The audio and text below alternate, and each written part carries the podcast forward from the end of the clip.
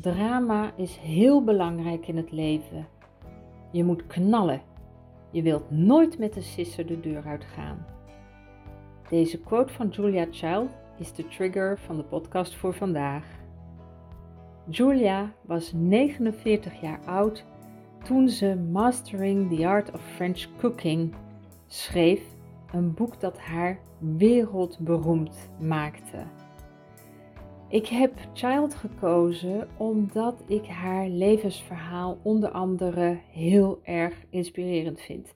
Er zijn talloze beroemde vrouwen die in het derde en vierde seizoen van hun leven hele grote dingen hebben neergezet in de wereld en impact hebben gemaakt. Julia heeft tot haar dood in 2004 of 5 heel veel bijgedragen als chefkok.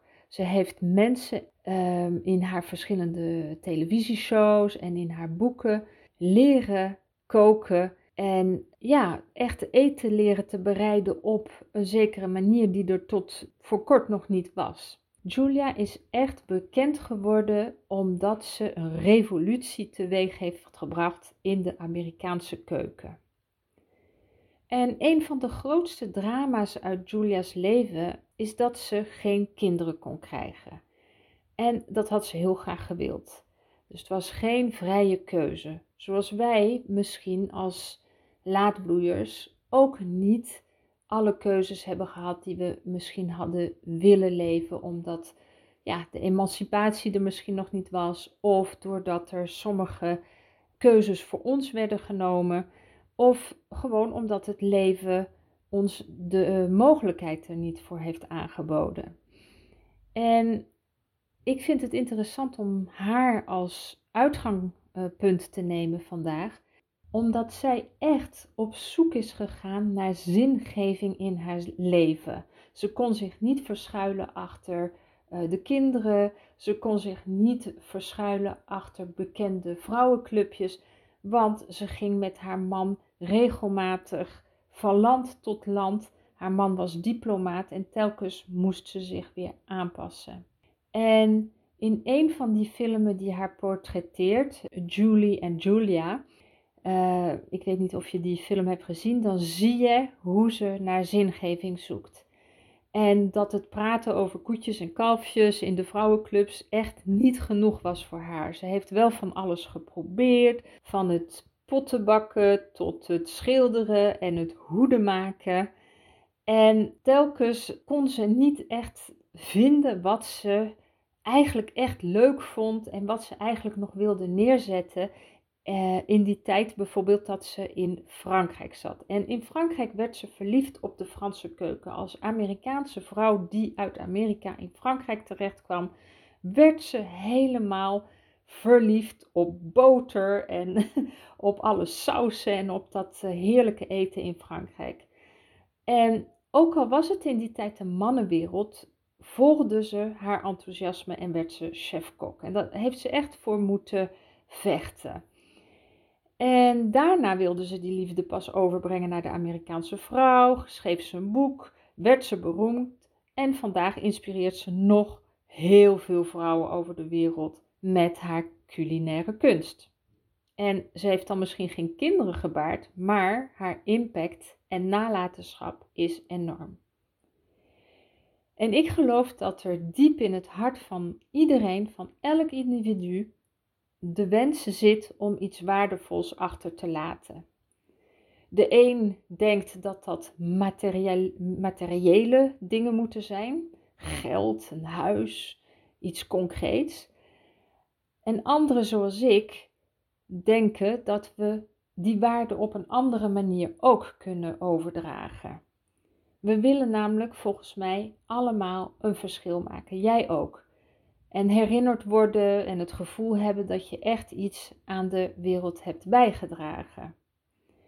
En dat hoeft natuurlijk niet allemaal zoals Julia Child of andere beroemdheden. Gewone mensen zoals jij en ik kunnen ook betekenisvolle erfenissen achterlaten, die binnen onze eigen cirkel van invloed eigenlijk liggen, heel dicht bij huis. Dus ja, beste laadbloeier, jij hebt ook een persoonlijk drama beleefd. Misschien wel een heleboel persoonlijke drama's.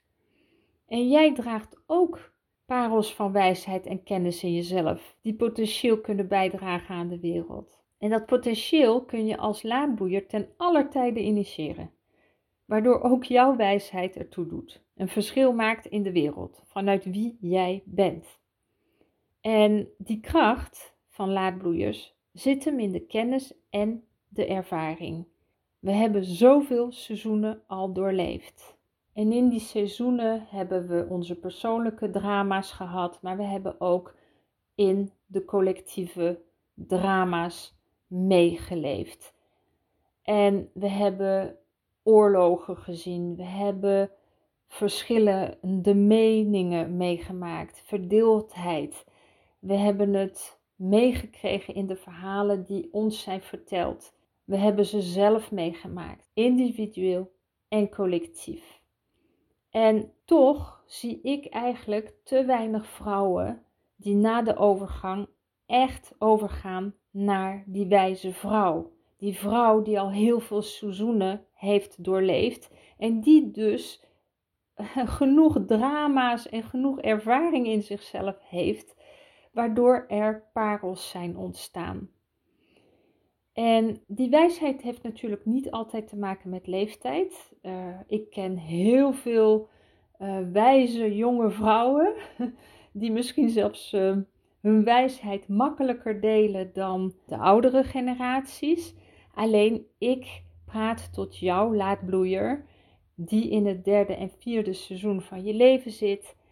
En ja, ik nodig je uit om bij jezelf te bekijken hoe jij die overgang hebt beleefd. Ben je naar die wijze vrouw toegegaan? Of heb je ja, die brug wel fysiek beleefd, doordat je niet meer ongesteld bent, maar niet echt doorleefd? Er zijn zoveel laadbloeiers, vrouwen die in het derde en vierde seizoen van hun leven er moeite mee hebben om die connectie aan te gaan met die wijsheid in zichzelf. Die gewoon nog blijven leven alsof ze 20, 30 zijn, 40.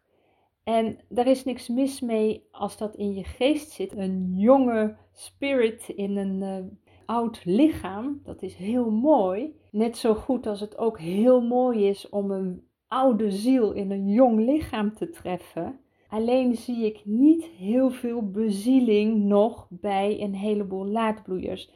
Er is soms een gesprek nodig om een beetje tot wat meer diepgang te, te komen.